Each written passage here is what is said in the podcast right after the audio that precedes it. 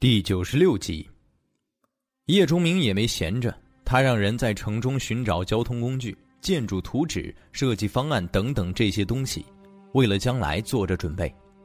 之所以在这里停留，原因有很多，比如叶钟明重生后的记忆集中在两个地区，其中一小部分在他刚刚离开的城市，另外大部分则在将要赶去的目的地。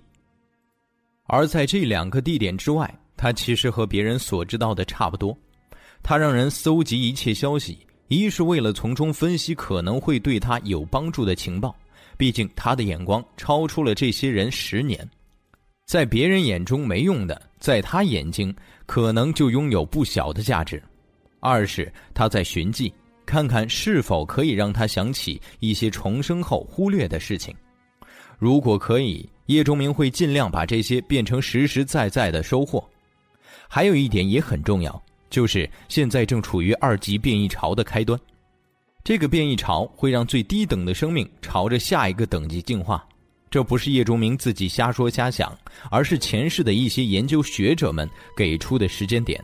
从末世开始一个月后到未来的一年之间，这一段时间都是二级进化潮。在这个时间段。大量的低级生命消失，转而形成数量庞大的二级进化生命。人类的进化速度从这个时候开始就会被变异生命飞速的拉开距离，从此一直处于追赶的地步。叶钟明要做的就是抓住这个机会，大量储存一级魔晶，进而获得大量的一星进化药剂。这些东西在未来人类安定之后，开始需求大量进化机会的时候，会是一笔无可比拟的巨大财富。为此，在这里耽搁一些时间是值得的。如果这件事情是叶忠明和他的小队来做，因为人数的缘故，效果肯定不好。可如果由他的小队带头，聚合指挥更多的普通人来做，那么效率就会提升很多。乌兰因为只是一个县城。周围一带变异生命的数量远没有叶忠明离开的那座城市多，所以只要有不错的规划，可以用很短的时间就清理一遍。至于用食物和水这些从黄喜杰那里得到的东西换取聚集地幸存者们手里零散的魔晶，这就是一种剥削了。不过这已经算是很不错的了，至少叶崇明给的食物足以体现这个阶段的魔晶价值。当三天之后，小队准备再次出发的时候，叶崇明已经获得超过五千枚一级魔晶，一百多枚二级魔晶。至此，叶钟明现在一共拥有近两万枚一级魔晶，近五百枚二级魔晶，还有一百多瓶一星净化药剂和二十几瓶免疫药剂。这其中有从黄喜杰等原来统治者住处搜到的，有这几天出去猎杀得到的。有从幸存者那里换来的。等叶忠明等人离开时，乌兰县城的魔晶几乎被全部带走。除此之外，叶钟明还得到不少有用的消息，比如在周围哪里有变异生命、怪兽、奇怪的东西等等。这让他亲自出手，获得了两枚三级魔晶和不少材料，甚至还有数个怪兽的蛋。当他们驾驶着准备好的。两辆车和几辆摩托出发时，身家和来的时候相比已经多出了不少。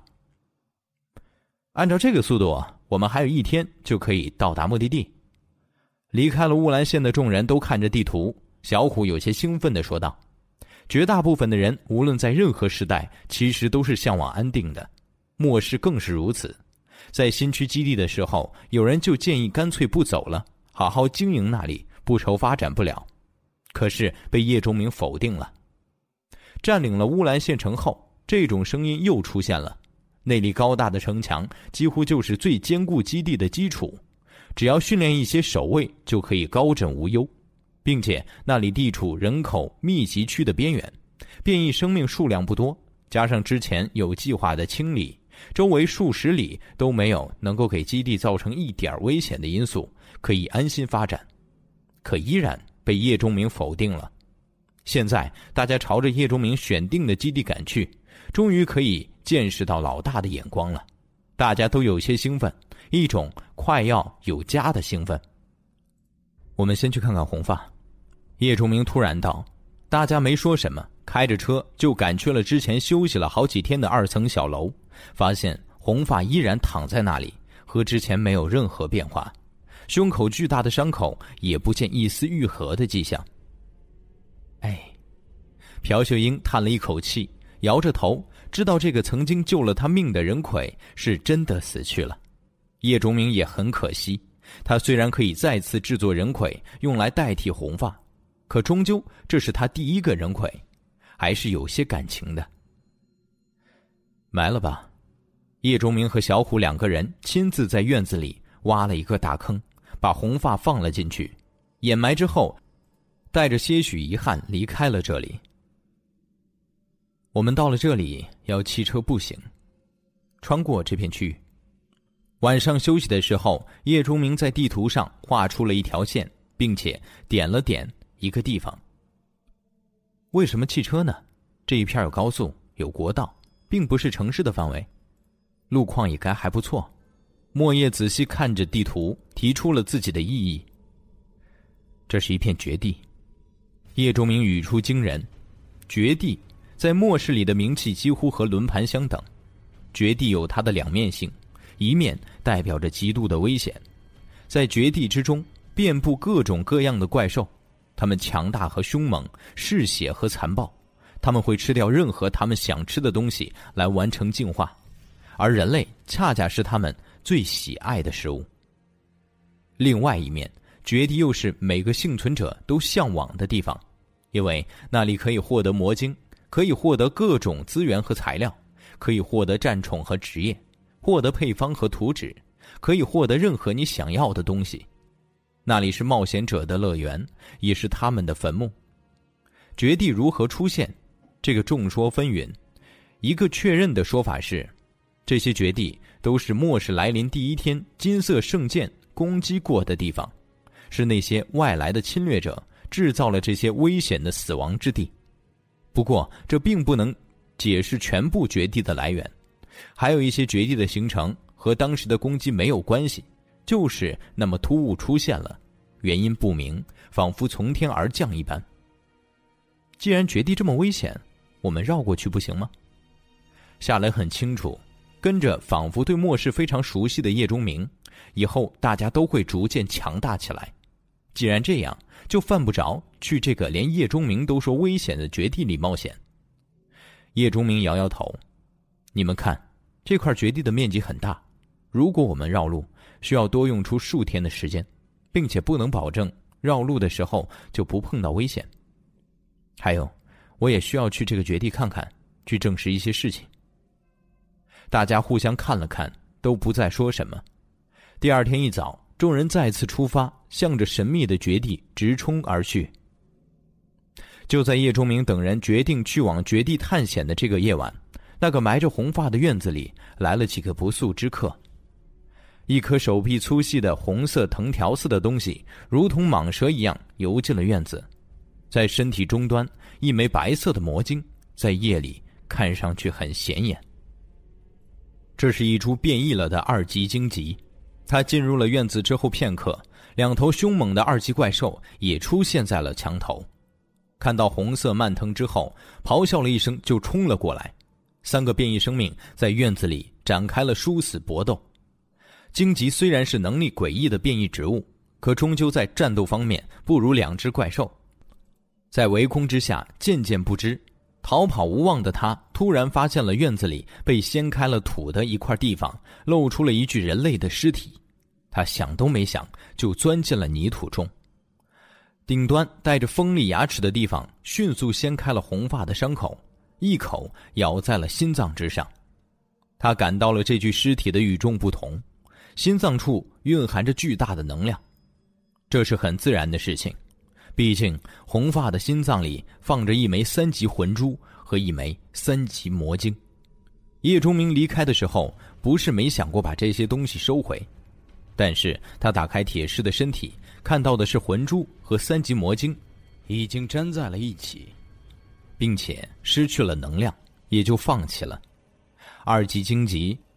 只要吞掉了这颗心脏，他就能迅速恢复，重新拥有一搏斗之力。就在这时，诡异的事情发生了，这颗被变异荆棘含在嘴里的心脏突然发出了一股强大的吸力，这股吸力直接让心脏胀大了一圈，填满了荆棘进化出来的嘴，如同一个塞子一样，挤在了那里。荆棘因为受伤流淌出的一些体液，此刻变成了一种渠道，这颗心脏正通过这个渠道大量吸收荆棘的生命能量。二级荆棘感觉事情不好，身体剧烈的扭动，想要挣脱开嘴里的心脏，可越是这样，这股吸力却越大，让荆棘不能离去。这个时候，如果有人在旁边看到这一幕，一定会被其中的诡异所吓到。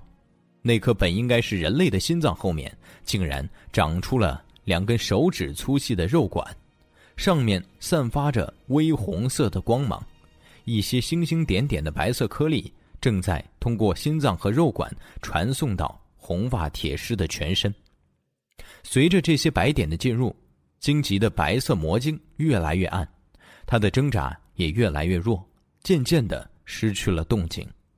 本来一直不动的红发铁狮突然从土堆里坐了起来，吓得已经发现事情不对，在一边防备着的两只怪兽向后退出了好几步，惊异的。看着这个从地下坐起的人类，红发头脸上全是土，遮盖住了他本来十分清秀却灰白粗糙的脸庞。他低头看了看，软塌塌插在自己胸口已经干枯的荆棘，伸手就把他拽了出来，随意的甩到了一边。视线落在敞开的胸膛上，红发好像愣了愣，接着他直接把自己的上身合拢，并且迅速的站了起来。两头怪兽互相看了看，都看到了彼此眼中渐渐升起的凶意，各自朝着一边退了两步之后，同时对红发发动了攻击。他们都处于向着三级进化的边缘，就差一点点的生命能量了，所以他们连变异植物都没有放过。现在看到对于他们来说大补的人类，自然更不会就此退去。虽然这个人类身上的味道有些不一样。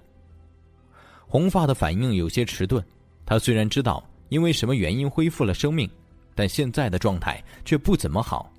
面对两头怪兽的攻击，没有做出一点躲闪，直接被扑倒在地。两头怪兽锋利的牙齿切进了红发的身体，扯掉了大片的血肉。红发的眼珠动了动，看见了就在自己脖子下面的怪兽头，他想都没想，直接一口就咬了上去。鲜血顿时就迸射了出来，怪兽根本没想到这个人类竟然会反击。通常这个时候，人类不应该已经被杀死了吗？可是剧烈的疼痛让怪兽没时间去纠结这个问题，他身体猛然向后退，想要离开这个人类的身体，但腹部一凉，他惊恐的发现这个人类都已经变了形的手臂插进了他的腹部。直接捏碎了他的内脏，怪兽呜咽了一声，生命就迅速从他的身上流逝。红发大口大口吮吸着怪兽的鲜血，趁着另一头怪兽愤怒悲鸣的时候，双手全部插进了这只怪兽的腹部，微一用力，就把比剑马还大的怪兽举到了身体之上，一撕两半，大量的鲜血洒下来，浸湿了红发的身体。怪异的是，这些鲜血洒在了红发的身体上，竟然如同落在了海绵上一般，顷刻就渗进了身体里。红发身体上的那些伤口都在用一种恐怖的速度愈合着，身上的衣物好像让红发很不舒服。他一把全部撕掉，不着寸缕的站了起来。就是这么一会儿，他的体内有弱弱的光芒发出，和那些鲜血一起，让他的伤势。好了一大半这一回，红发明显比刚才敏锐多了。他的目光落在了另外一头正在后退的怪兽身上，那张唇形很好看的嘴突然张开，发出了一声嘶哑的怒吼，接着身体一闪，就到了怪兽身边，一双锋锐的手直插怪物的颈部。怪兽吓了一跳，向着旁边就是一跃。这个时候，如果他还没有感觉到事情不对劲，就太不正常了。看到之前的猎物和同伴相继惨死，他终于害怕了，转头就开始逃跑。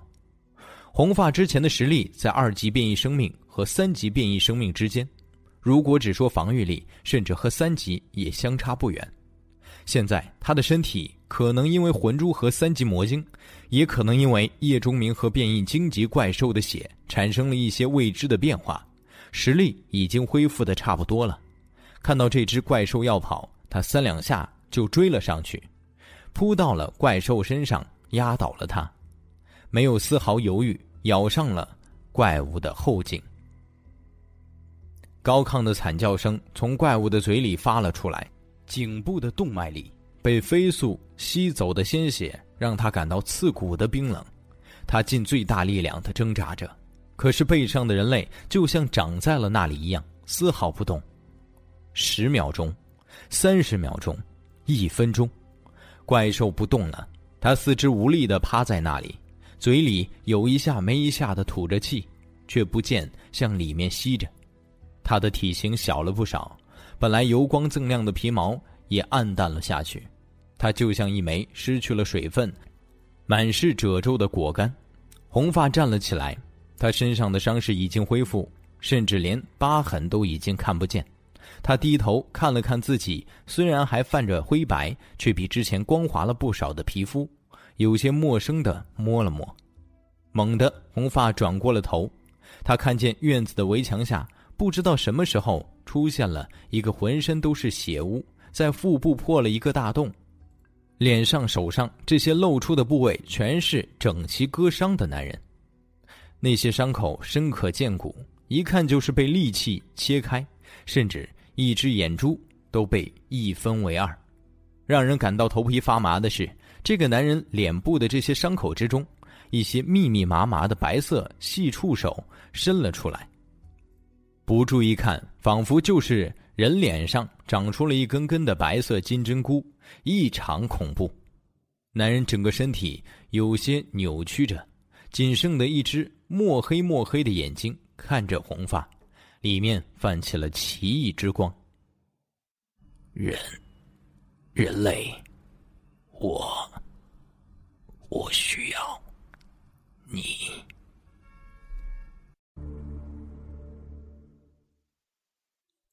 第九十七集，话音刚落，男人的脑袋突然爆开，在脑浆和体液之间，一团白色的东西跳了出来，看样子像是缩小了无数倍的章鱼。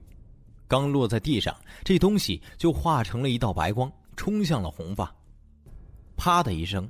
白色小章鱼就粘在了红发的脸上，那些小触须变成了恐怖钻头，钻开红发的脸皮，冲着他的头颅里猛进挤。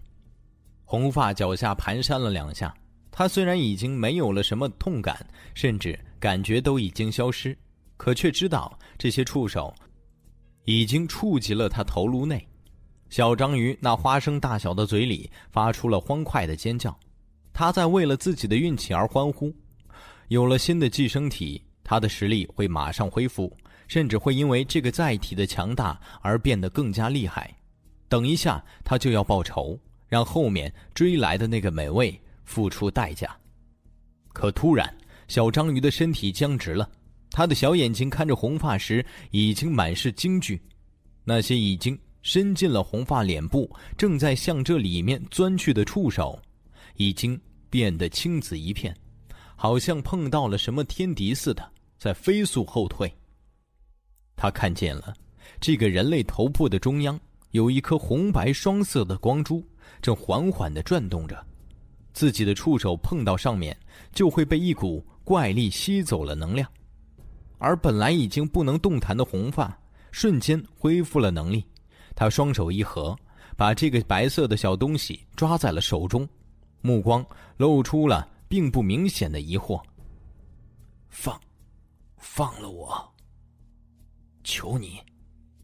小章鱼发出了专属于他的沟通，希冀这个奇怪恐怖的家伙能够放过他。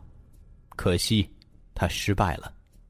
他看到这个只有人类外表却已经完全不是人类的怪家伙，丝毫没有对他的信号发出反应。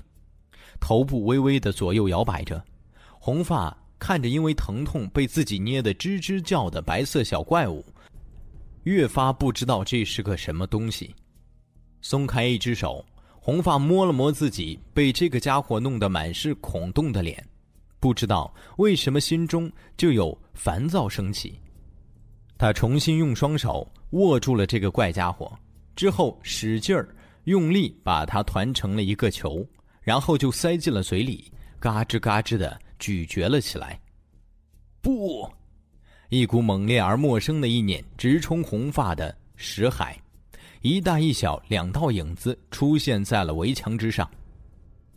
此时，已经和众人迈入了绝地的叶钟明突然感到了什么，他骤然转身，看向了来时的方向。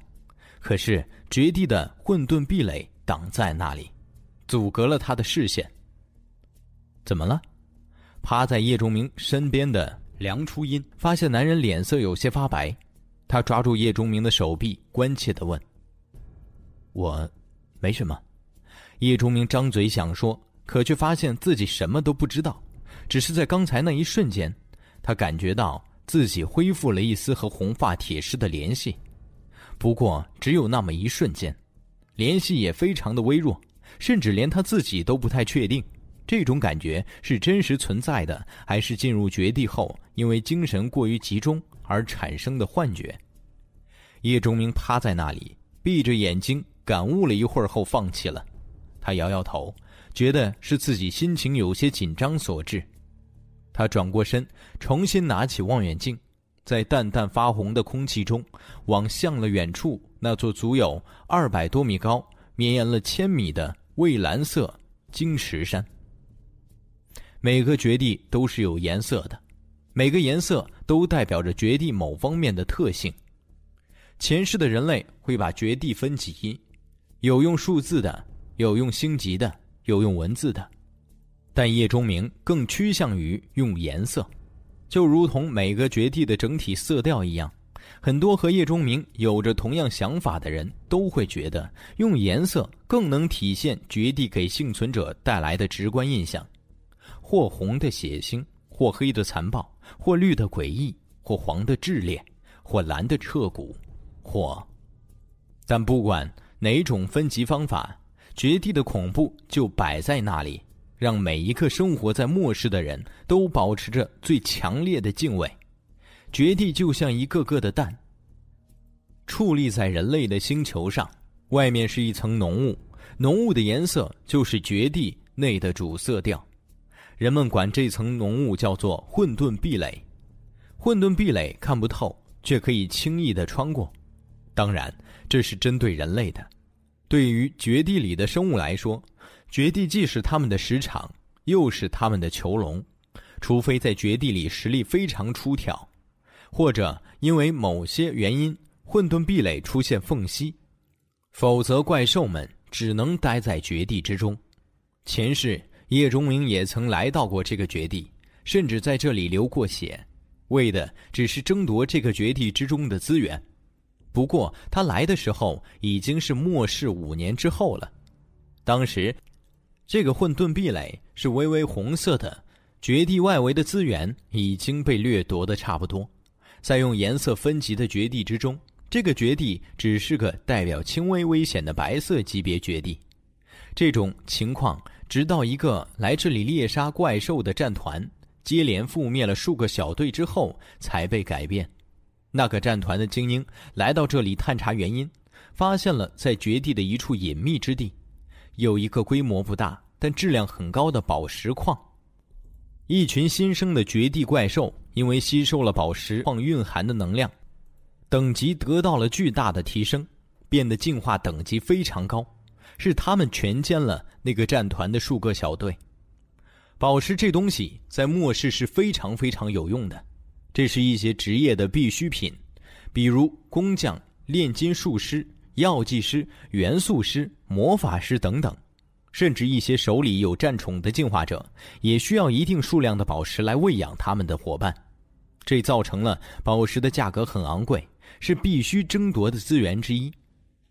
叶卓明前世的战团基地就在鹰城附近，这里也是势力可及的地方，所以也参与了对这里的争夺。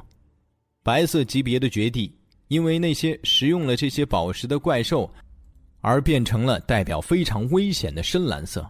在付出了很大代价之后，参与到争夺的这些战团和势力，清理掉了平均进化等级已经达到五级的那些怪兽。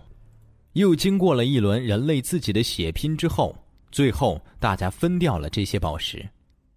绝地因为不是一成不变的，而是会出现各种神奇的、不能用科学解释的事情，比如怪兽的繁殖、进化、进食等等这些，人类并不是很了解。仿佛只要怪兽待在绝地里面，呼吸着就能生长、进化、繁衍。叶钟明之所以选择冒险进入绝地，就是想看看。曾经的那座宝石山是不是存在？是后来出现的，还是一直就存在而没被发现？事实证明，那座宝石山一直就存在，只是因为后来这里被怪兽占据，或者其他种种原因，让人们没有及时发现。直到五年之后，只是叶钟明不明白，为什么现在没有怪兽在这里食用和吸收这些宝石的能量呢？这也是他和小队的成员小心翼翼的潜到这里，却没有直接接近蔚蓝色宝石山的原因。三点钟方向，夏雷突然低声说了一句，叶钟明立刻拿着望远镜看了过去。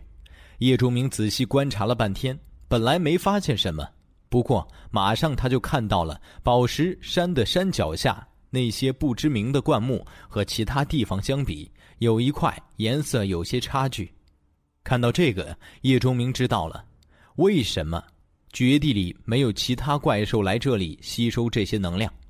这里已经被某些怪兽占据，成为了他的领地，并且这怪兽的实力在这个绝地里绝对算是顶尖的。那是什么？梁初音也看到了那道痕迹，却因为经验不足，并不知道那是什么。那是怪兽尿液留下的痕迹，其他人一听也就懂了。地球上很多动物都有这样的行为，在自己活动区域的周围撒下尿液，用气味宣告这里是他的领地。叶钟明有些皱眉，因为他几乎可以肯定，当初这座宝石山恢复到无主的状态，多半是因为占据了这里的怪兽强大到了一定程度，破开了混沌壁垒而去。这座山于是才被其他的同属性的怪物占领，并逐渐强大。如果是这样，那么现在绝地出现已经有快一个月了。这个怪兽会进化到了什么级别？以小队的实力，是否能够干掉？并且这里可是这处绝地的深处，要是打起来，吸引了其他怪兽的注意，全部聚拢过来，怎么办？这些因素，叶钟明必须考虑到，因为在绝地里，任何一个疏忽都可能要了众人的命。这是不是就是你说的自然宝石，可以镶嵌在自然之杖里的那种？朴秀英虽然不懂为什么在淡红色基调的绝地里，有着这种如梦似幻的蔚蓝色宝石，但并不妨碍他对这种美丽的向往。嗯，看见那些淡色的了吗？那是水系自然宝石，那些深色的是冰系自然宝石，两种是半生矿。众人这才知道，原来这就是自然宝石。叶仲明看着宝石山，考虑了一会儿，决定先把众人带出去，离开宝石山。叶仲明带着小队朝着既定的方向前进，一路之上，他的经验发挥了绝大作用，他能够从很细微的痕迹上分辨出前方是否有危险。他的行进路线一直是曲曲折折的，综合起来又无限接近于直线，这让小队里也在痕迹学这方面有些研究的三个武警看得目瞪口呆。他们可不是梁初音、朴秀英这种普通人，他们是受过专业技能训练的，可和叶钟明比起来，他们的那一套显得落后而呆板。面对大家的惊叹，叶钟明什么都没说，因为说出来也没用。任谁在末世挣扎了十年，也都会成为生存方面的专家。这其中地黄丸也帮了大忙，他神奇的听力、嗅觉和叶周明的经验相辅相成，一行人有惊无险的用了两天多的时间从绝地里走了出来。你要回去？当刚刚脱离了险境的大家听到叶钟明要返回绝地的时候，都觉得他疯了。这一路虽然没有遇到大危险，可是小险情不断。小队曾经亲眼看到过一只强大的四级怪兽领着三只进化级别达到了三级的小怪兽从他们身边走过。如果不是叶钟明急中生智，让大家都跳进一堆怪兽的粪便里，他们可能就要。和这四只怪兽大战一场了，结果他们不用想都知道，能逃出几个人就不错了。还有，他们也曾经看到，超过两百只二级怪兽在绝地里呼啸奔跑，围猎他们的猎物。就算小队的每个人都能单独迎战二级变异生命，可是，一起面对两百只还是纪律性极强、性情狡诈的怪兽军团。连叶周明都没有自信能够活下来，在这种整个团队进入都极度危险的情况下，叶周明要一个人返回去，这不是去送死吗？放心吧，我会没事的。我一个人目标较小，并不容易被发现，并且我也不会强来。如果我觉得没机会，就会退走。我会带着地黄丸，你们也看到他的厉害了，在绝地里有他在，就没有什么东西。能够偷袭我。地黄丸听到主人夸奖，赶紧站起来抖了抖毛，显示了一下存在感。看到众人还是不放心，叶钟明又道：“你们也是有任务的。我选定了云顶山庄做基地，现在这里距离目的地已经不远。你们要在我回来之前，把周围的情况摸一摸，有什么势力在，有什么怪物在，有没有大规模的狮群，甚至如果可能的话，你们。”还要找找轮盘，看看周围的轮盘都哪里有，是几级的。但有一点记住，别去云顶山庄。好了，就这么定了。叶钟明站起来拍了拍手。我回来的时候，就是我们占据云顶山庄的时候。我和你去，我能顶在前面。一直没说话的盛元突然对要转身离开的叶钟明道：“保护好乐师，就是保护好我。”说完，叶钟明带着地黄丸重新返回到了绝地之中。红发的身体晃了晃，嘴里咀嚼都慢了下来。就在这个瞬间，发出了强大精神冲击的那两道黑影已经飞速冲来，人形的影子猛然发出了数道黑色的针状物，在黑夜中折射着寒芒。而小一些黑影速度快如闪电，一只小巧却有让人心惊之感的利爪。刺破了黑暗，直接插向了红发的心脏。红发发出了低沉的警告声，一只手猛然上撩，打开了那个小影子的一抓。虽然手臂上留下了两道切痕，但对于已经没有了痛感的红发来说，这并不算什么。只是这些切痕很熟悉，和刚才那个被白色小章鱼寄生的人类脸上的伤痕一样。打飞了小黑影，却躲不过那几道寒芒。红发身体被击得后退了两步，皮肤强大的防御力让这些寒芒没有穿透身体。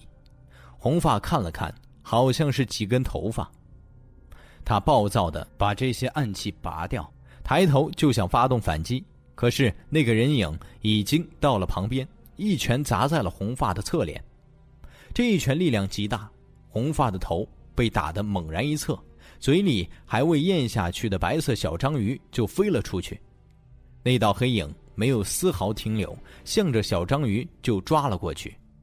月色中，这个人影的额头，一枚黑色的魔晶熠熠生辉。红发本来是不会有什么情绪的，他只是一只人魁，只会听命行事。但是从他在土里苏醒，红发一直处于懵懂的状态之中。他依然会战斗，依然会吸收能量，这是他的本能。可连他自己都没有发现，他正在重新拥有已经失去的一种叫做情绪的东西。看见自己嘴里的东西快要被抢走的时候，红发有了被虎口夺食的愤怒。虽然他依然没有作为人时一样的智慧，却本能的知道这个白色家伙对他有极大的作用。红发在这种愤怒的情绪当中，身体斜着丢了出去。那个人影的指尖刚刚触摸到白色小章鱼，身体就被撞飞了，在地上连翻了几下后，才单膝跪在了那里，看向了被反震了一下，也踉跄了两步才站定的红发。一只小小的黑猫跳上了这个人影的肩头，冲着红发露出了满嘴锋利的牙齿，竟然是那个和叶钟明发生过冲突的雨婆。第九十八集，事情有时候就是这样，你自以为很笃定的事情，甚至一直按照你的计划顺利完成了的事情，事实上可能并不是你想的那样。之所能够和你预想的相同，可能是一种巧合。就如叶钟明在新区基地的时候，他猜到了有脑虫在作怪，于是制定了自己的计划，并且最后顺利完成。得到了他想要得到的，可事实却是，脑虫并不是只有一条，而是有两条。之所以叶钟明只看到了一条，是因为另外一条带着一只三级变异生命离开了的缘故，否则最后的结果如何还真不好说。而那条离开的脑虫，就是嗅到了雨婆这种特殊生命的味道，独自出去猎食了。只是现在看来。这条脑虫应该是失败了，不仅失败，还被雨婆和他的宠物追杀。这么多天以来，不知道是不是追寻着吃掉了他同类的叶钟明足迹而来到了这里。雨婆再次进化了，他已经三级的变异生命，他手下的那只小黑猫也到了同样的级别。不过，雨婆把脑虫控制的人弄得重伤将死，他自己的状态也不太好。目测看去，他身上最少有十多处的伤口，左右两肋也是有些凹陷的，不知道是不是脑虫控制的那只三级变异蟒蛇造成的，并且雨婆整个人看上去非常疲惫，她肩头的宠物也一样，黑猫柔顺的毛发有好几块都变得秃秃的，那里的皮肤还能看到焦黑，虽然进化到了三级变异生命。可蹲在主人的肩头喘气的都能听到响亮的杂音，想来是身体受到了很严重的伤害。看来这一人一猫虽然战胜了脑虫，这也付出了极大的代价。红发的状态当然也不好，伤口刚刚恢复，在魂珠的作用下吸收了三只怪兽的能量，也仅仅是让身体恢复了活力。两边的情况都不好，却又。都不愿意放弃这条对他们产生巨大吸引力的脑虫，在对峙了一会儿之后，双方再次开始了殊死搏斗。变异生命之间的战斗或许没有进化者之间那么有章法，但却更加的直接和血腥。仅仅十几秒钟，当双方再次分开的时候，彼此的腰都直不起来了，只能用手脚撑着地面，用恶狠狠的目光看着敌人。红发刚刚恢复的身体，此刻多出了几十条伤口，有抓伤，有咬伤，有血洞，好几个地方的肌肉都被撕掉，露出里面红白相间的骨肉。最严重的伤在左侧胸口，心脏的部位上插着十几根黑色的头发，看深度完全插入了心脏之中。如果是进化者，光光是这里的伤势就足以要了命。雨婆自然也不会好过到哪里，红发的双手就是最有力的武器，只要被碰到，就会多出一个窟窿，或者骨头塌陷进去一块儿这么一会儿，雨婆那本来进化完美的身体被红发打得残破无比，和刚刚被重卡撞过似的扭曲着。变异黑猫也很凄惨，一直后退拖在那里，差点被红发撕掉。左面半张脸也凹进了一块那是被红发一头撞的。双方惨兮兮看着对方，都在衡量着各自的胜率。片刻，目光又都落在了脑虫身上。红发和雨婆同时动了，一个奋尽余力发出了通灵之刺，一个竟然从指尖射出了一条灰色荆棘。这不是雨婆第一次发动通灵之刺，她在进入院子阻止红发吞咽脑虫的时候就用过了一次，但这却是红发第一次用出他刚刚掌握的连叶钟明都不知道的技能。一种来自于他吸收了变异荆棘之后刚刚领悟的一种技能——荆棘之鞭。红发后退了两步，眼中迷茫一闪而过。对于脑中有一颗魂珠的他来说，这种直接攻击脑部的精神力冲击波效果并不好。可是他发出的荆棘之鞭却非常犀利，瞬间两米长的鞭子直接把雨婆抽得皮开肉绽，直接飞了出去。这种技能也是需要精神力的。红发用出了这一击之后，荆棘就缩回了体内。他扑向脑虫，现在那个一头长发的怪女人已经阻止不了他了。红发一只手抓住了脑虫，一丝喜色出现在了他那张灰白色的脸上。可下一秒，他的脸色就骤然大变。是那只黑猫，那只断了腿、塌了脸。已经被他忽略的黑猫，在红发差一点把脑虫掌控在手中的时候，黑猫出现在了脑虫旁边，一爪子也扣在了脑虫身上。一人一猫，谁也不会相让。这么一撕扯，脑虫竟然被扯成了两半。红发一愣，黑猫也是一愣，接着他们做出了一个同样的动作，吃。一人一猫把脑虫全部塞进了嘴里。略微咀嚼了两下，直接咽了下去。红发是占据了一些优势，他目露凶光，就想要把这两个家伙解决掉。可是刚向前迈了一步，一股巨大而磅礴的力量就从他的身体里涌上了四肢百骸，他的身体一下子就变得迟缓而麻木。另一边，黑猫吃掉了脑虫之后，对着红发露出了拟人般讥讽的笑容。可刚刚笑了两秒，他也出现了和红发一样的症状，并且因为和雨婆之间能量互递的关系，那边刚刚爬起的雨婆也陷入到了这种状态中。刚才打生打死的双方几乎同时转身，向着相反的方向逃离，只是动作却和牵线木偶一样僵直而滑稽。这一刻，雨婆和红发都选择了最稳妥的做法。叶钟明带着地黄丸重新踏入了上河绝地，这是前世幸存者们给这里取的名字，因为绝地里有一个很出名的自然村，叫上河村。和出来时不同，叶钟明这一次进入选择了另外一条路。绝地之中的确处处危险，可只要留心，这里也是遍地财宝。叶钟明的两个副职业，一个是需要大量材料的制造类职业。一个是需要种子幼苗的培育类职业，这些都需要他平时就开始注意收集有用的东西。绝地无疑是最适合的地方。出去的时候，叶钟明已经找到了一种，是地球上地瓜的变种。这种东西具有攻击性，在它出苗之后的任何阶段，凡是有生命接近它，地面上的嫩苗或者茎条，都会发起各种。形式的自动攻击，速度迅捷，力量巨大，稍不注意就会受伤。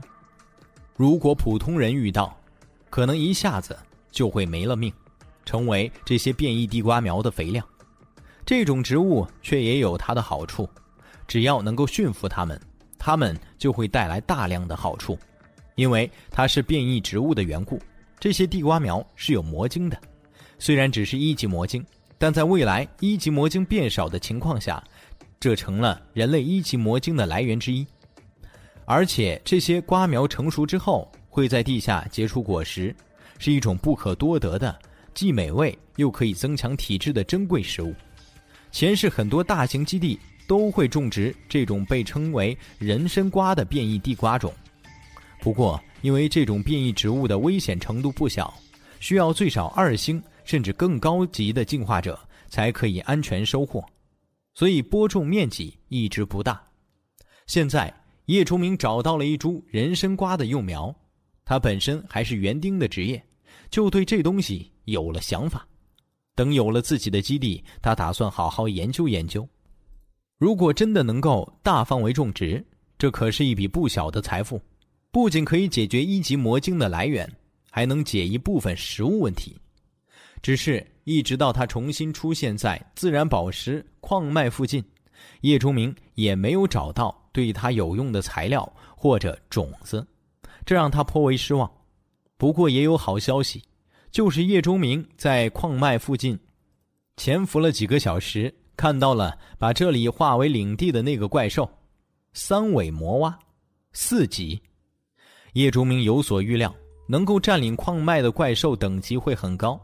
可是当他看到这么一个一身青皮、有着三叉尾巴、身体如同一辆中巴大小的怪兽，额头是绿色的魔晶时，还是忍不住心中骂了一句：“他重生了，现在进化到二星。”得到了前世没有得到的诸多职业和能力，可是叶钟明清楚的很，这些因素让他强大，让他有了越级挑战的能力，但也只是相对三级变异生命而言，对四级那就是找死，并且三尾魔蛙可不是普通的怪兽，它水属性的天赋极其强大，属于同级别中非常不好惹的那种，就这样放弃。这个念头只是出现了瞬间，就被叶钟明甩出了九霄云外。好不易来一回，怎么能空手而回？一个大胆的计划出现在了叶钟明的脑海里。三尾魔蛙趴在宝石山半山腰的洞穴中，惬意地舔食着一边的自然宝石。这种水属性半生冰属性的宝石是他的最爱。绝地对于人类来说，出现的无比突兀。但是对于生活在这里的怪兽而言，这里一直就是存在的，是它们繁衍生息的地方。唯一不同的，大概就是在某一天经历了强力震动之后，偶尔会从混沌壁垒外钻进来的一丝丝香气，那是美食发出的诱惑，也是进化的信号。三尾魔蛙的运气很好，它在二级的时候就发现了绝地出现了一些没有见过的瘦弱存在。这些实力几乎比刚刚出生的怪兽还要弱的被叫做人类的家伙，血肉是那么的鲜美，并且蕴含的能量竟然相比于他们脆弱的身体要高得多。几乎是吃掉了上百个人之后，三尾魔蛙就从二级升到了三级。这个级别在这个绝地之中已经可以称得上强大二字了。不过，当绝地里所有的人类都被吃光之后，本以为幸福日子结束了的三尾魔蛙，竟然在绝地的深处发现了这样一座和它同属性的宝石山。虽然这里被一个同样是三级的怪物占据了，可是宝石山对三尾魔蛙的吸引力远大于美味的人类。为了这个，三尾魔蛙不惜一战。那一战是三尾魔蛙出生以来最艰苦的战斗，他断了腿，断了尾。甚至肚子都被破开了大口，鲜血几乎流尽。可是他赢了，他干掉了本来占据这里的那只怪兽，占有了这座梦寐以求的宝石山。三尾魔蛙很快就恢复了健康。只要有取之不尽的宝石在，对于怪兽来说，任何伤势都是可以恢复的。更何况是本就以恢复能力著称的水系怪兽。他开始没日没夜地吸取宝石里的能量，进化开始变得飞快，直到前不久，他成功成为了四级怪兽，而用掉的宝石只是他栖身洞穴这么大的一小点而已。三尾魔蛙甚至觉得他可以在这里进化到至高的九级。拥有了这么一块领地，三尾魔蛙自然绝不会放手，他用自己的尿液把这里占领，向其他生命。宣告自己的主权。其实三尾魔蛙并不太担心，虽然绝地里他知道自己的进化等级不是最高，还有其他几个怪兽实力和他相仿，甚至高出他一些。可那几个家伙，或者是走身体路线的傻大个儿，或者是其他元素系的同类，对于水系、冰系的宝石矿根本没有兴趣，才不会因为这些无用的东西和自己生死相搏。至于其他怪兽，三尾魔蛙分分钟就能打发掉，但是最近三尾魔蛙遇到了挑战。开始的时候是一只金黄色的大狗在周围游荡着，等级不高，不过速度很快，也很狡猾，并不踏入宝石山的范围，只是在附近观察着、游走着。对于进化生命来说，这样的行为就是进攻的前兆。三尾魔蛙自然不允许这样的挑衅存在，它主动出击了几次，可是这条大狗非常狡猾，发现不对，立刻远遁。要知道，三尾魔蛙可不是以速度和长途奔袭见长的，几次出击都无功而返。绝地里没有太阳的朝升夕落，却依然有明暗的变化。数次明暗交替之后，三尾魔蛙就发现。一股绝地里强大的气息正在向着这里飞速接近，这样的发现让他浑身丑陋的肉疙瘩都突硬了起来。他跳到宝石山的山顶，望向了那个方向。赤焰裂甲兽，同样一头四级的怪兽，还是和三尾魔蛙属性相反的火系怪兽。三尾魔蛙在宝石山顶发出了最高分贝的怒吼。借此对这只即将要侵犯他领地的赤焰裂甲兽发出最严厉的警告，可是得到的回应却是对方同样凄厉的叫声，里面有股不死不休的决然。三位魔蛙彻底愤怒了，这里是他的地盘，在怪兽的世界里，侵犯领地就是最严重的挑衅，只能用鲜血和生命来解决。他从宝石山一跃而下。朝着赤焰裂甲兽冲了过去，两只四级的怪兽在距离宝石山几百米远的地方短兵衔接，激烈的战成了一团。此刻，叶钟明正在和他们呈九十度角的地方用望远镜看着两个已经打在一起的怪兽。几天以来一直绷紧的脸色，终于在这一刻有了一丝缓解。相比于刚刚来到宝石山的那一天。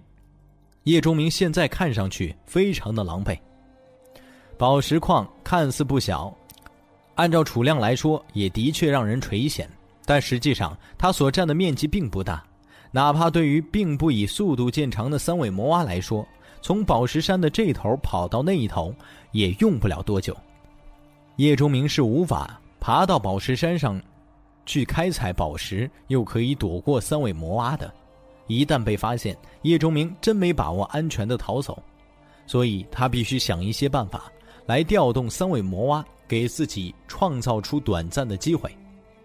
宝石矿的采集是非常有讲究的，可不是上去挖下一块直接带走那么简单，这里面涉及到宝石的纹路、连接线、能量脉络等等许多问题。如果不是叶钟明末世生存了十年，换成一个普通人，别说需要一分钟。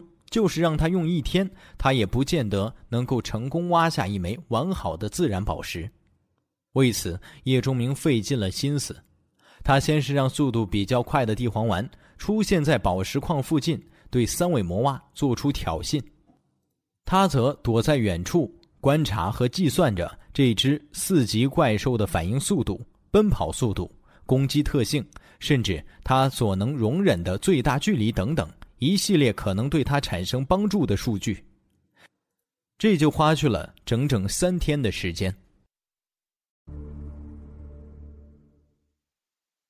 第九十九集，对于叶钟明来说，这并不算什么。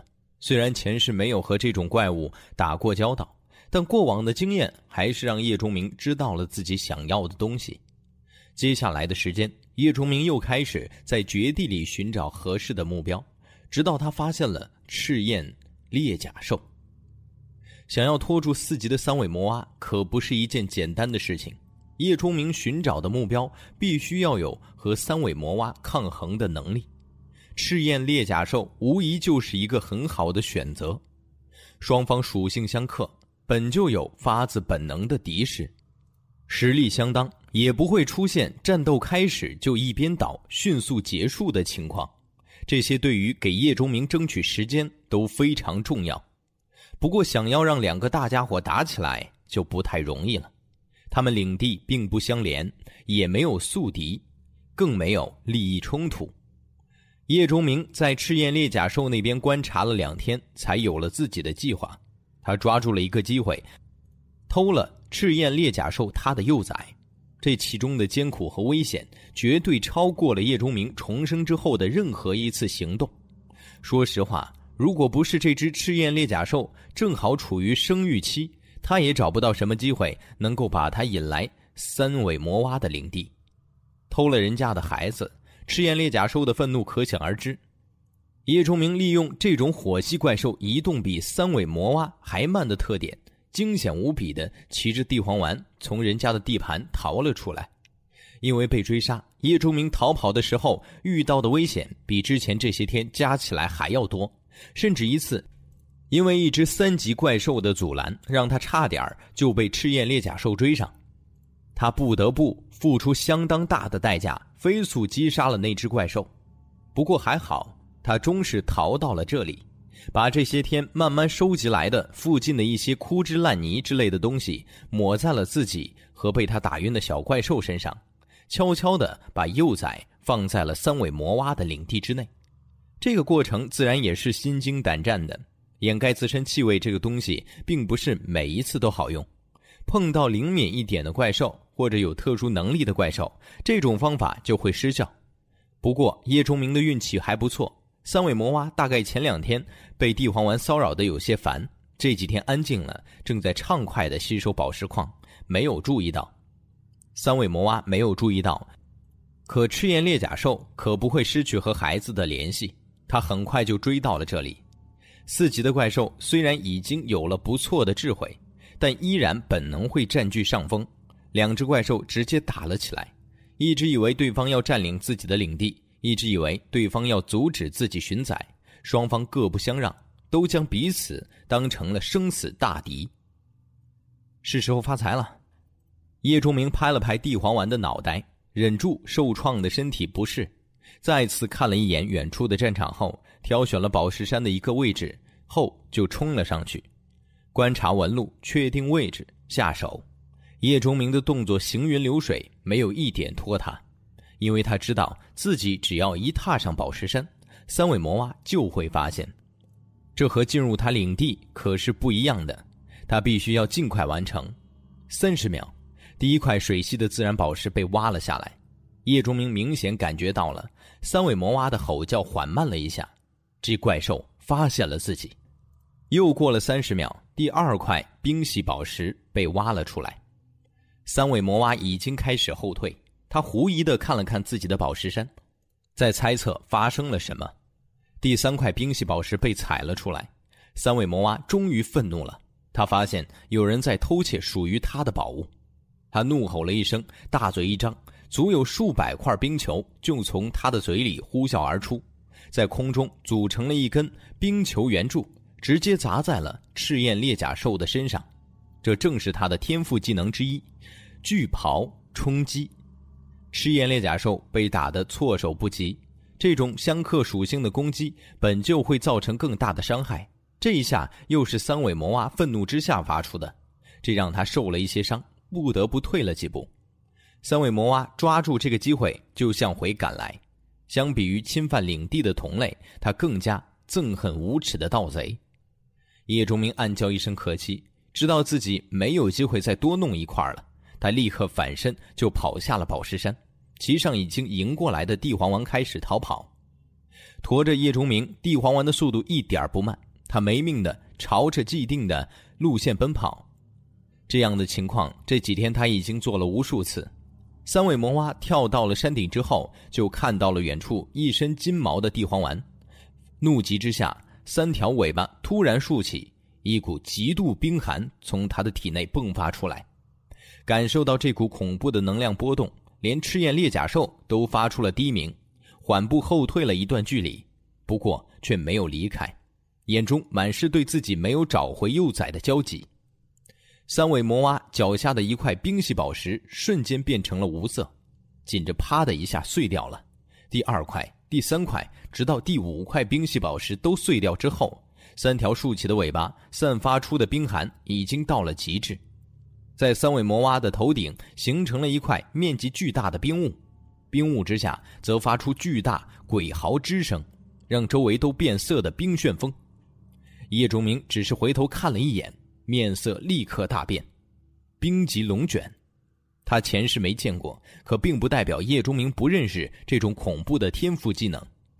他没想到这只四级的三尾魔蛙竟然已经学会了这种恐怖而强大的攻击技能。快快快！叶钟明使劲夹了一下胯下的大狗，让它速度更快一些。帝皇丸委屈的呜咽了一声，他也想快，可是现在已经是他的极限了。一人一狗在迅速远离宝石山。仅仅十几秒的时间，他们已经跑到了数百米之外。叶钟明计算过，以三尾魔蛙的速度拉开到这个距离，这头四级的家伙已经不可能追得上地黄丸。但三尾魔蛙追不上，不代表这个技能也追不上。数百米的距离几乎被冰级龙卷在数秒钟就抹平了。叶钟明随手一指，一棵绝地里的古怪树木就变成了一个强壮的树人。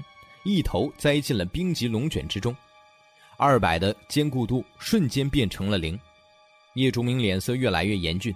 当初在珍珠湖对战铁索囚徒，那家伙虽然强大，可没有对叶钟明发出技能。即便是那样，叶钟明已经差点被干掉了。现在和一个和铁索囚徒等级相同的怪兽发出了他威力最大的天赋技能，这威势。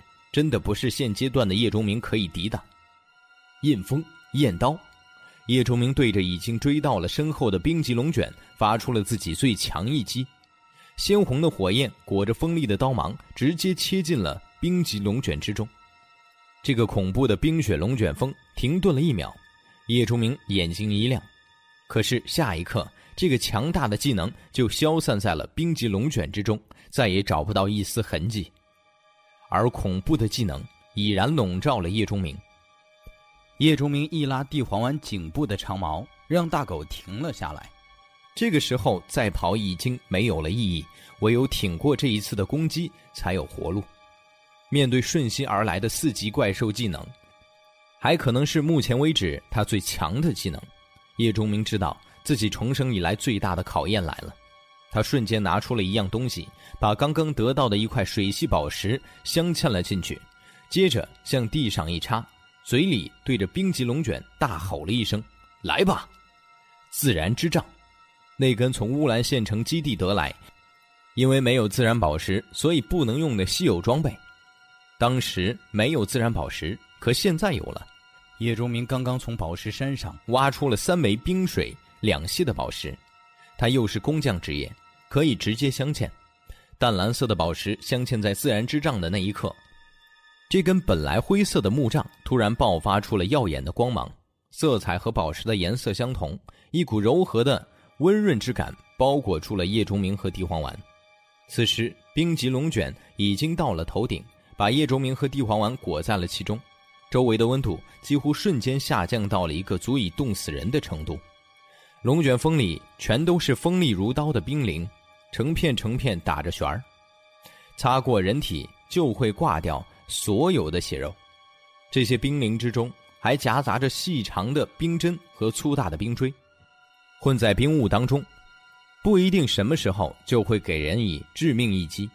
叶钟明是二星进化者，地黄丸也是二级变异生命，两个人对于低温的抵抗能力自然比普通人强上许多。可仅仅是瞬间之后。一人一狗的身上就全部挂上了冰霜，叶钟明不敢大意，他在冰级龙卷笼罩他的第一秒就发动了自然之杖里的技能。只见一个优美的淡蓝色女人影子出现在了天空，女人娉婷婀娜的站着，哪怕知道这只是一个虚影，依然要为她的美丽而赞叹。这个女人的虚影足有十米高，脸上挂着温和的笑容。让人不自觉地沉迷其中，身上披着精美的同色纱衣，竟然在虚幻中让人看出了层次质感。更为瞩目的是，这个虚影女人的双手用一种优美的形态上举着，双手中托着一只精美的蓝色花瓶。这只花瓶上端有着双耳，瓶口处向外翻着，形成了流线的波浪状。无论是瓶口还是瓶身，都是光滑润泽之色。看上去忍不住就想摸一摸，这是叶钟明的装备。当他激发了这一技能之后，就知晓了他的名字——水瓶之护。虚幻的蓝色举瓶女子把叶钟明和地黄丸包裹在其身体里，整个虚像直面冰极龙卷。轰隆隆的声音传来，震耳欲聋，脚下的土地都在震动，虚影的颜色开始变得不稳定起来。这是两股能量最直接的碰撞。到了这个阶段，叶钟明能做的事情已经不多，他只能寄希望于水瓶之护能够抵挡住冰极龙卷。两个技能，一个是四级怪兽用宝石做法引发动的强力攻击技能，一个是以自然之杖为根本激发自然宝石全部能量的防御型技能。矛和盾之间的较量就在叶钟明的上空激烈展开。赤焰裂甲兽在后面有些焦躁，他想要去寻找自己的幼崽，可现在的情况是他必须要翻过宝石山才行。但是三尾魔蛙吸收自然宝石发出的攻击，让赤焰裂甲兽这种同级的存在都心生畏惧。它虽然救在心切，但并不意味着就失去了趋利避害的本能。在对手发出了最强攻击的同时，赤焰裂甲兽心中就清楚，他自己的实力和这个家伙是有差距的。甚至赤焰裂甲兽已经做好了先行离开、寻找帮手的念头。可是虚影如山般崛起，让赤焰裂甲兽已经开始挪动的脚步停了下来。两种力量的轰击之声，如同一面沉鼓，一下下敲在赤焰裂甲兽的心中，让他猛然意识到，敌人的敌人，即便不是朋友，在这个时刻也是可以利用的。赤焰裂甲兽动了，他发动了冲锋，带着浑身的火焰。三位魔娃有些萎靡，发动了冰级龙卷之后，这头怪兽明显消耗极大，状态变得不好起来。听到后面的动静，他半转过身，冲着赤焰裂甲兽发出了警告的怒吼。可惜，能够晋升到四级的怪兽都不是傻瓜。赤焰裂甲兽看到了三尾魔蛙这个样子之后，心中不仅想召回自己的幼崽，甚至还产生了干掉三尾魔蛙的念头。绝地之中。在没有人类出现之前，实力相当的同类本就是最好的进化源之一。三尾魔蛙胸口剧烈的起伏，他有些后悔刚才冲动之下发动了威力巨大的技能，这让他失去了对付这个满身都是令他讨厌火焰怪物的最大依仗。不过，宝石山是他的领地，是一切的根源，他绝对不允许失去。两头各怀心思的怪兽再次撞到了一起，发动了殊死搏斗。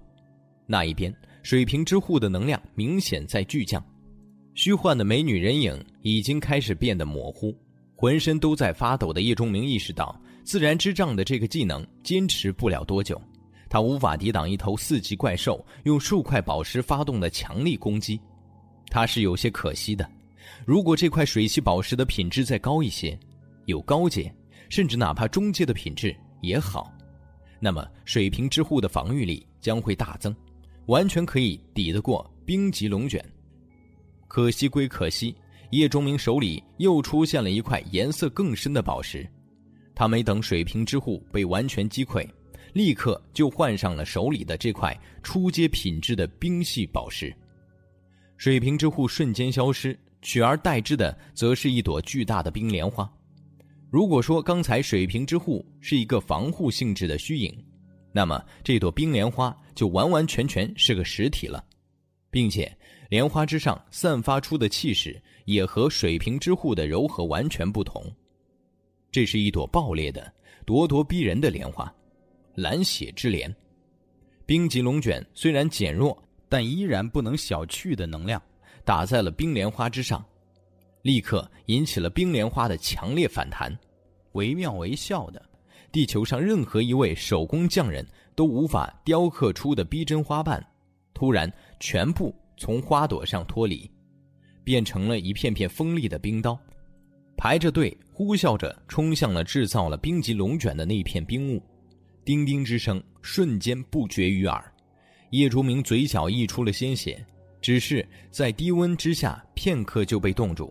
技能的碰撞虽然全部在天空，可是产生的波动和冲击却要他和地黄丸承受。各自进化了两次的主宠，此刻都受了不轻的伤，特别是叶钟明，这些天被赤焰裂甲兽追得本就很狼狈，现在还要抵挡这样巨大的能量余波，他已经感到身体越来越虚弱。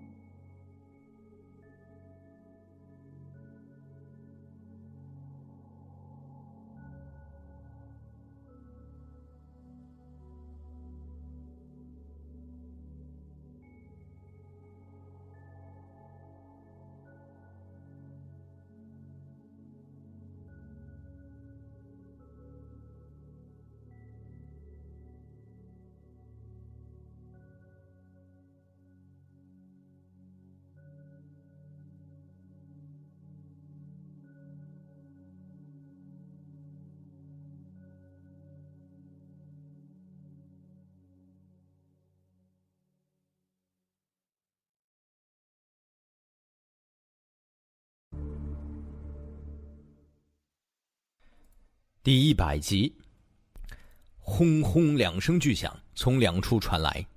叶钟明抬眼望去，只见这片冰莲花化成的冰刀已经刺入了冰雾之中，强大的冰级龙卷技能在这一刻被击破。两块宝石利用自然之杖的能力，才堪堪抵挡住了这一次近乎致命的危险。而另一声巨响的来源，则是站在宝石山上打成了一团的两只怪兽发出的，不知道各自发出了什么样的技能，水火之间发出了爆炸，至少有上百块晶莹剔透被炸得四散横飞。叶钟明看得眼睛锃亮，走！叶钟明一拍地黄丸的身体，发出了一声巨吼，自然之杖被瞬间收入到了空间水晶里。地黄丸忍着全身的疼痛向前窜了出去。此刻，天空两个技能同归于尽后，四散的能量朝着周围凶猛扩散，一团冰蓝色的气浪如海潮般涌向了四方，自然也包括叶钟明离开的方向。没有逃跑，反而迎向了这股力量的一人一狗，瞬间就被包裹在了里面。叶钟明双手握刀，对着前方发出了自己的强大技能。又用几乎所剩所有的精神力召唤了一个土巨人挡在身前，可依然没有完全抵挡住这股失去控制的能量。叶钟明心中大骂了一句：“本来得到三块宝石，却立刻被迫用掉了两块。这种忙活了好多天却只得到了一点点的感觉，让叶钟明选择了贪心。他没有逃跑，而是选择了知难而进。”可惜他低估了冰级龙卷和蓝血之莲碰撞之后产生的威力，因此付出了惨重的代价。万分危急时刻，叶钟明一拍地黄丸的屁股，自己一跃而上半空，发出了最后一刀。这几乎是叶钟明获得了光辉印刀师职业之后发出的最强一击。在生命攸关的时刻，他的潜力被完全发挥了出来。火焰刀芒向着身前猛劈。和冰浪接触之后，发出了巨大的声响。叶钟明只感觉身体被猛然掀翻了，可前面的气浪也被他适时破开。数道蓝色的影子正好扑面而来，叶钟明顾不得冲击，连连接在了手中，瞬间放入空间水晶。终于在接一块体积比较大的宝石时，再也坚持不住，被宝石撞在胸口，直接打落在地。叶钟明的神智瞬间陷入了恍惚，地黄丸从后面冲来，用身体挡在了主人的前面，最后一点余波全部被金黄色的大狗承受了。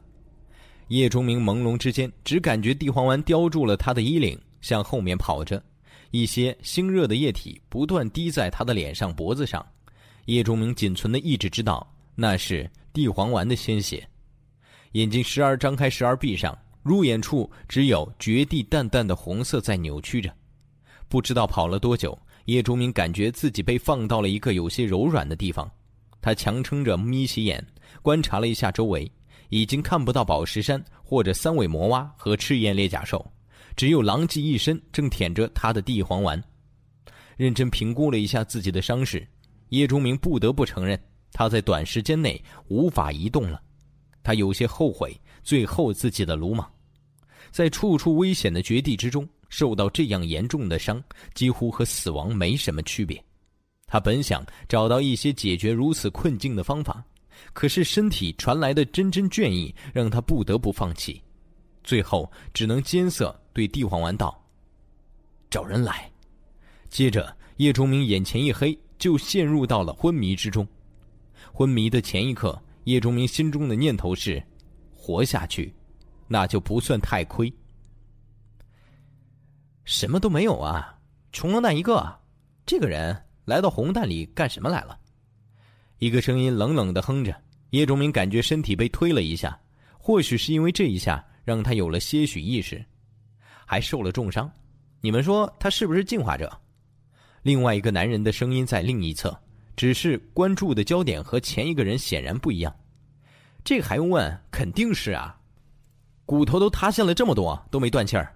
不是进化者怎么扛得住？估计和我们一样，来红蛋里探险遇到了什么怪兽，被打成了这个样子。可能也有团队的，但看情况，其他人也是凶多吉少了。又是两个人说话，后一个人声音有些苍老，语气也平稳笃定，应该是小队的队长之类。那我们要不要救他？这么几句话的功夫，叶钟明的意志又恢复了不小。听到这个弱弱的女生有些想要救自己，并且有能力救自己的意思，心中便是一动。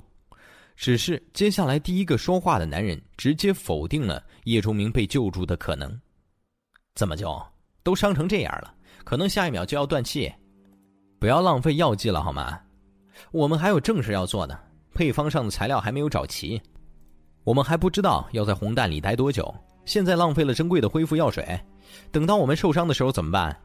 糖果，你不要忘了，虽然这些药水是你做的，可材料确实大家一起找来的呀。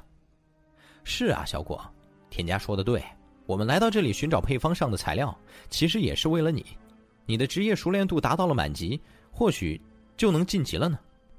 我们不能因为一个毫不相干的人耽误时间和浪费资源。这个世界已经变了，变得不再需要好心肠了。听达叔一句，以后收起你的怜悯吧。你不是上帝。管不了那么多的。哦，女生弱弱的回了一句。这些人的对话传入了耳中。叶钟明故意让胸口剧烈的起伏了一下，之后缓缓睁开了眼睛。啊，他醒了！被叫做糖果的那个女人最先发现了睁开眼睛的叶钟明，嘴里发出了一声低呼。其他人都纷纷围了过来，看向了这个有些奇怪的人。末世已经开始了一个多月。人类已经逐渐适应了这种遍地鲜血和骸骨的日子，他们已经开始了全新的生活。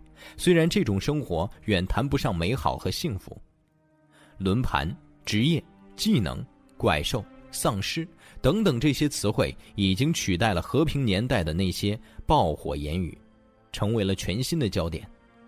人们找到了一条全新的独木桥，每个人都在上面拥挤着，一些人站稳了。一些人掉了下去，生命会自己寻找出路，更何况是智慧一向出众的人类。每个人都开始努力着成为不被挤下去的人。这个队伍也一样，并且他们自觉着，他们已经稳稳地站在了独木桥之上。叶钟明扫了一眼，就把自己的处境看了个大概。这是一支很标准的狩猎小队。之所以这么说，是因为这七个中有人拿着盾。有的拿着长矛，有人拿着弓箭，有人提着绿色的药瓶。近战、攻坚、防御、远程支援，这几乎就是标准的狩猎队伍配置了。哪怕是小队进化到了战团，其实也是万变不离其宗，只是把这些因素放大了无数倍而已。叶崇明最先注意的，并不是有心想要救自己的小姑娘，而是那个掌握了小队话语权的老者。满头的白发，眼睛有神，神色镇定，却不太友好。叶卓明感觉到了这个老人身上对自己敌视的态度，这并不奇怪。如果换做自己这种对团队成员有着绝对权威的队长，这个时候已经离去了，而不是因为一个成员的好心而留在这里。接着是那个翻找过自己随身装备的年轻人，神色也是不善。目光在叶钟明的脸上巡视着，就像看一个死人一样。最后，叶钟明才看向了那个长着一张圆圆脸、圆圆的眼睛、碰到自己目光露出了圆圆酒窝的，甚至连身材都有些圆润的小姑娘。这个小孩年龄应该不超过十六岁吧？叶钟明心中下着这样的判断，看了一眼小女孩手中提着的绿色药剂瓶，叶钟明就知道，这个小女孩是个炼金术士。这个绿色的瓶子是炼金术士特有的标志——中和之物。结合他之前听到的对话，叶钟明心中了然，知道为什么这个小队的人还留在这里，看着自己这个将死之人了。因为这个炼金术士小姑娘没有走，而这个小队显然小姑娘才是中坚力量。恢复药水，这可是好东西。看来这个小炼金术士，在获得职业的时候得到了一个不错的职业配方。通常的职业出货之时都是得到一个或者几个职业技能，而某些特殊的职业得到的却是配方之类的东西。本质上这就是他们的职业技能。药剂师、炼金术师就是这样的职业，用配方支配世界的职业。其他人叶中明也看了看，并没有太值得注意的人，只有站在小姑娘身边的中年人让叶钟明多看了两眼，因为这个人和其他人相比，明显和小姑娘关系比较亲近，并且也是这七人小队中唯一一个不是进化者的人。叶钟明心中笑了。看来这个小队远没有表面上这么和谐呀，并且这个中年人和这个小姑娘，好像并没有得到应有的地位。喂，能说话吗？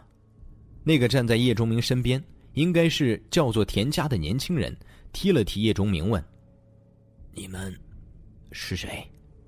叶钟明的声音很哑，这么一说话，喉咙就有些血腥气上涌，身体的伤势。依然很严重。我们是谁？你不需要知道，但你却需要告诉我们你是谁，为什么来红蛋？你是一个人，还是有其他同伴？目的是什么？田哥，他还伤着。糖果有些不满的嘟囔着。可惜的是，田家根本就不理会他，只是死死盯着叶钟明。在末世，这种反应才是正常的。至于小女孩糖果，如果她一直这样，终究是要被这个世界淘汰，可这并不妨碍叶钟明对糖果的感激。不是每个人都会在末世里表现出怜悯的，这种怜悯看上去或许会很廉价，也很愚蠢，但其他人可以不赞同，但别去嘲笑，因为这种东西很快就会消失不见。叶钟明身上没有这种东西，甚至不允许小队的人有这种东西。可他不会去嘲笑有这种东西的人，他觉得自己没有资格。任何一个在末世生存了一年以上的人都没有这个资格。我自己一个人来这里，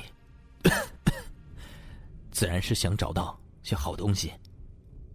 小队的人互相看了看，神色中倒是有九分不信。你自己就敢来这里？老者说话了，达叔。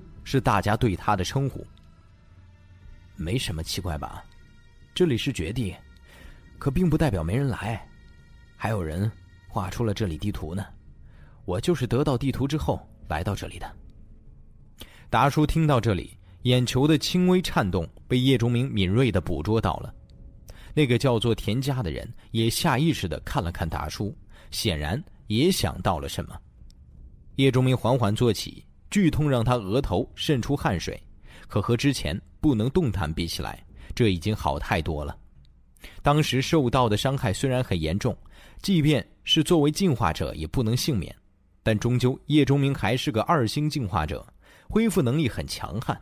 也不知道在这里躺了多久，竟然可以缓慢行动了。不过想要恢复如初，叶钟明估计怎么也要七八天的时间才行。这也是他随便。胡说了几句地图之类的原因，以现在的情况，最好的选择就是和这支狩猎小队在一起，安全可以得到一定程度的保证。他并不害怕这个小队对自己不利，毕竟叶钟明的底牌里有不止一样可以杀掉这里的所有人。但是他害怕绝地里无休止的危险，因为可能只需要几个小时，绝地就可以把叶钟明的底牌耗光。达叔示意了一下，这七个人立刻聚集到了一起，开始商量起来。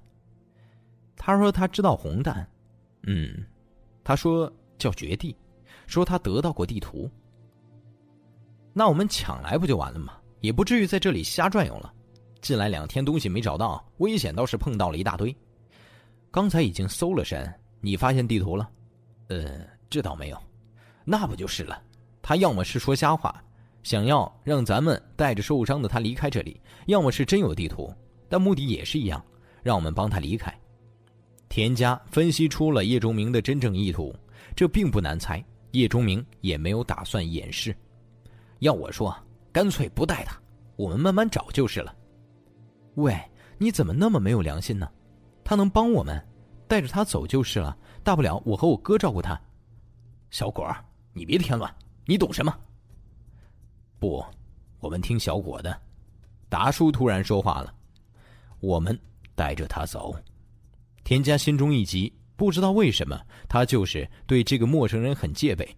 听到达叔这么说，就有些不高兴。好了，大家去找根木棍。让他当拐杖，小果去给检查一下伤势。说完，达叔给自己的亲侄子田家使用了一个眼色。等到众人离开后，两个人站在了一起。叔，为什么留下他？他也是个进化者，一旦恢复了伤势，对我们不利怎么办？达叔冷冷一笑：“不利？怎么不利？他一个人，我们这么多人。”都是进化者，难道还怕他？可，没什么可是。达叔一摆手，有些语重心长的说：“糖果那丫头啊，心好，她想帮这个人，我们不好太拒绝。我们还需要她以后提供越来越多的药剂呢，特别是这次这种麻痹药水一旦做出来，你想想，我们就可以猎杀二级变异生命了。那我们距离二星进化还会远吗？”那丫头虽然笨，但不傻。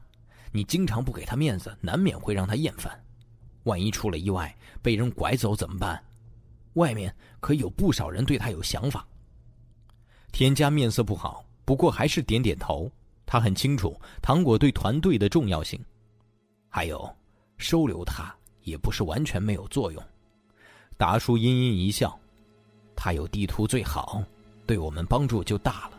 没有也没关系。”他不是进化者吗？探个路总行吧，反正还能动，快不了慢慢来也可以的吧。放个哨总行吧，也不耽误他养伤不是吗？还有，遇到什么我们对付不了的怪兽，呵呵。田家听得眼睛一亮，觉得还是自己亲叔考虑的周到。被他这么一说，还真是这么回事儿。